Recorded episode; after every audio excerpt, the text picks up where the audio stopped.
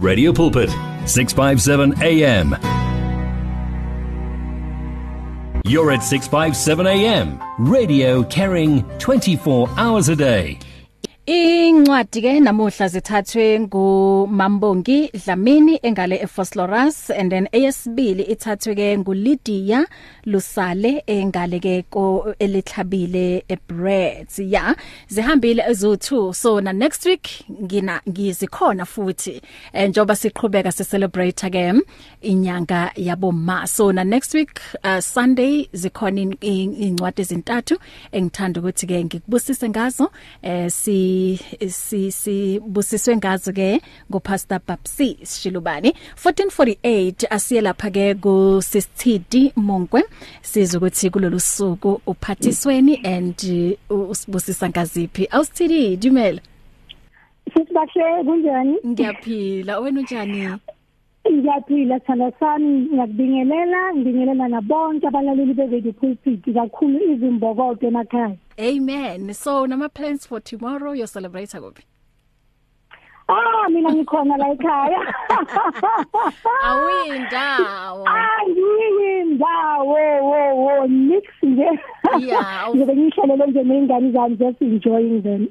Yes. Ah okay. Um so namuhla usiphatheleni Namuhla ngithi ngicela sikhulume ngeforgiveness. Mm. Mm. Yeah because into eningi zethu zibanjwe in lack of forgiveness. Sure. Yeah. I into esisuka sikhohle ukuthi mangicolela angenzeli wena ngizenzela mina. Powerful. Mangicolela omunye I am freeing myself from the prison. You understand? Kodwa manje ngingaxoleli umuntu mina ngisifaka ejele. Ngisifaka ku solitary confinement. Mm. imagine ye under solitary confinement uwe nje ohleli nje kuleyo room e dark you are facing those four walls in a room engana ventilation enough so meaning ukuthi you are suffocating in that dark room. Uyi one you are going crazy. Kuleso space esincane ewena uzivalele kuso ngenxa yokuthi uhluleka ukuxolela labo abakwenze kabi. Yabona? Mm, so thina abantu besifazane siya esikhathini esiningi siyahluleka ukuthi si forgive because utshela ukuthi ma uforgive umuntu uzomenza ukuthi abe namahlombe uyomenza ukuthi ahambele phezulu. Yabona? Kodwa uyakhohlwa ukuthi noNkulunkulu uthi asibaqolele abasenze kabi. Angisho naye uyaxolela yeah angisho uNkulunkulu every single minute. He forgives us ama sins ama wrongs esiwayenzayo. Kodwa thina we expect ukuthi abantu ebasizise ubuhlungu siqhubeke nje ngempilo singazange sibaxolele. You understand? But mm. when you forgive a person mm. when you forgive a person when uzivulela iminyango but when you don't forgive you are delaying your own progress yet loya muntu yena uyaflourisha remember ukuthi your enemy is not necessarily God's enemy because mina mina ngingagregada as my enemy because ungizise ubuhlungu. Bese ngiyakhuleka ngithi ubaba ubahle ungizise ubuhlungu. Ngicela nje ukwenza ukuthi into zakhe zingahambi kahle. Kusho bani ukuthi into zakhe ngeke zihambe kahle ngesinye isikhathi? Before mina sithi ngiguqa ngitshela uNkulunkulu ukuthi ngizise ubuhlungu obungakanani. Wena already soyile kuNkulunkulu wathi baba uthini ngimenze kahle? Ngicela ungixolele bese wenzani uJehova uvula iminyango yento zakho ngoba uNkulunkulu uyamthanda umuntu ocelisayo uyakuphi impethelelo? Sometimes umuntu akadingi nokuthi aguqe phansi acele uxolo kuNkulunkulu for ububi aye wakwenza kuwe.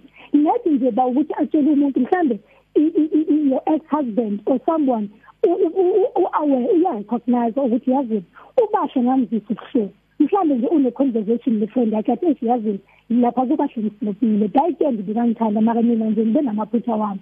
Leyo nto is a confession. uNkulunkulu yamhlonipha umuntu owenza confession nesithi sithi mayiphelele ayisho. So uNkulunkulu yamthethelela uvuna izinto zakhe. Mawusombona aflourisha empilweni wena soba neproblem manje noNkulunkulu. Inkinga yakho soyidirector kuNkulunkulu uthi baba but mina why into zami zistakile? So and so ungithethe kabi ungizise ubuhlungu. Kodwa look at him. Uyaprogressa empilweni. Uzoprogressa because yena akekho bitter wena usahleli neanger uhleli neresentment uhleli nedepression ewena uzibheke kuyo ngenxa yokuthi awukwazi ukucola yabona yes abantu bayasizisa ukuhlula obukhulu omunye umuntu angazitshela ukuthi yazini sindi ngiyamuzi yakhuluma lapho but akaze ayifile le pain emina ngidlula kuyo. Azange mhlambe aze azise abantu ukuthi mina been hurt mina ngizile ubuhlungu ngibuzisa abantu ebengibathanda. Abantu besilisa my ex husband and my ex fiancés abantu ebengibathanda ukundlula bonke abantu. Yiwo abangilethele ipain ebengazi nami ukuthi ngiyenzeni. Kodwa for me to heal for me to move on ngempilo yami for me ukuthi ngibe ne-progress empilweni it was necessary for me to forgive. Yabona? I know ukuthi i-forgiveness ayisilula kodwa mawaforgive uwe ozohluleka ukudla uyedla ngamaphayiphi.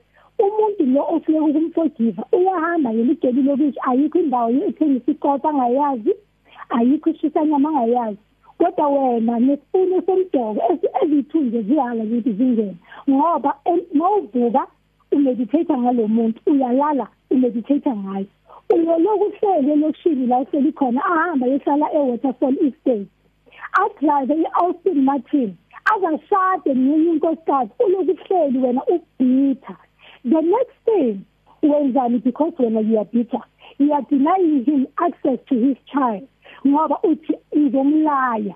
Angeke azambone lo mntana wakhe angisho wena you are bitter awukaqoli oh ndakathi ufuna ukuprovider somntana uthi no you right si right nabantwana bami thina asidingi lo madla lo madlana yakho because wena awukakacoli usahleli kulezinto wakwenza zona emshadweni. Usahleli lezinto lezi wakwenza zona be relationship awu move on but yena uyi move on. so omunye umuntu angasho ekhaya athi mina ngiyafuna ukumcolela umuntu but angazi ukuthi ngicala kuphi. Because mangimbona iyavuka le yanto le yokuthi isho umuntu wangisa ubuhlungu. How do i co-parent nomuntu oyoba crusha ispirit of isoul yami? How do i be, be civil with my ex husband or my ex partner ukuthi wangisa ubuhlungu obungaka? Remember, you are not doing it for him, you are doing it for yourself. It is necessary for you to be civil now. Omunye umuntu athi kanjani, where do I begin? Because ezinye izinto kulula ukuthi ngitshele ngithi forgive, but uqala njani? ukuze ukuforgive umuntu you need to take you need to do introspection encwadini yami for those abazi ukuthi abangazi ukuthi ngikhuluma ngiphi incwadi i mean author yencwadi I don't know what happened but ulahlekile usesithidi la. Hey yo and isikhathi sakhe asikapheli. Ethi ke hey okay thingizame futhi ukumthola bazalwane. Yes forgiveness ngingasho nje ukuthi is the best medicine ever. Uma ungakwazi ukuxolela uyilimaza wena. And kunabantu abaningi ukuthi kwamanje bangenile ezibhedlela ngenxa yokuthi umuntu akakwazi ukuxolela. So ukhuluma nje indaba ebalekile kakhulu la um usesithidi about forgiveness. Yebo nezwi liyasho ukuthi xolela ukuze nawe uxolelwe.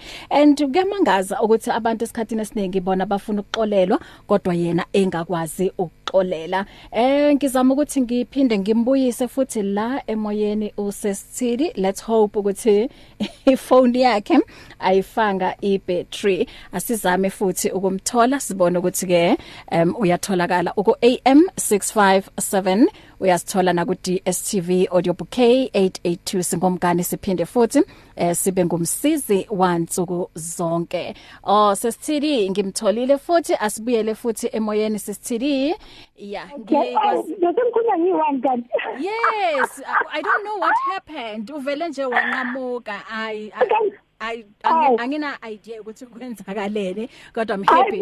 yes ukuthi siphinde sakuthola. So uno 3 minutes lana ukuthi sivale. Nize up until kuphela labo uthi I'm an author uh, yencwadi ila unqamuke khona.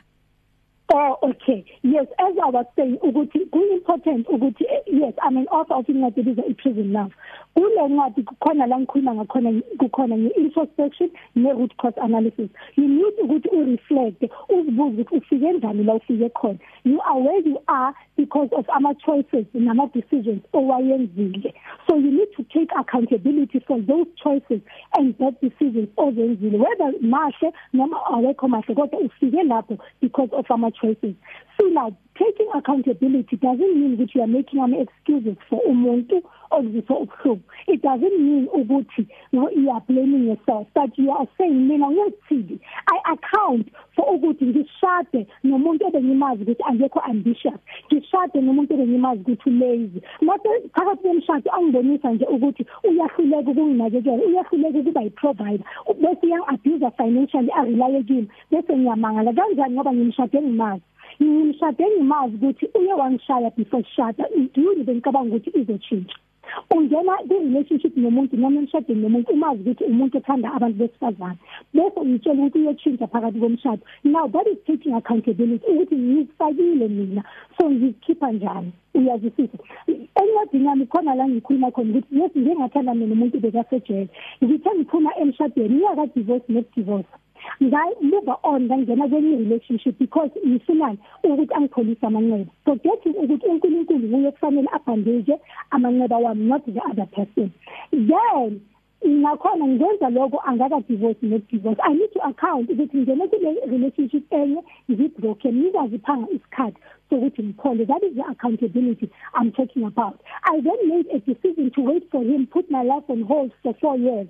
While he's in prison and i expected him ukuthi makabuya uyoba ulento le engifuna ukuthi abe yiyo. Lento le angithembisa ukuthi izoba yiyo. But now how do i expect so much from a person ongazi naye ukuthi from himself I expected from the world I expected so I needed to account for the expectations that I had emuntwini obe yena angazi ukuthi I expected from himself. I expected him to love and respect me when I didn't love and respect myself enough. So we need to account into engifuna ukuthi sikhuluma ngayo today. Okunye sizokhuluma futhi next week ngoba sisonke for the whole month. Siyakhuleka nge-forgiveness. yes.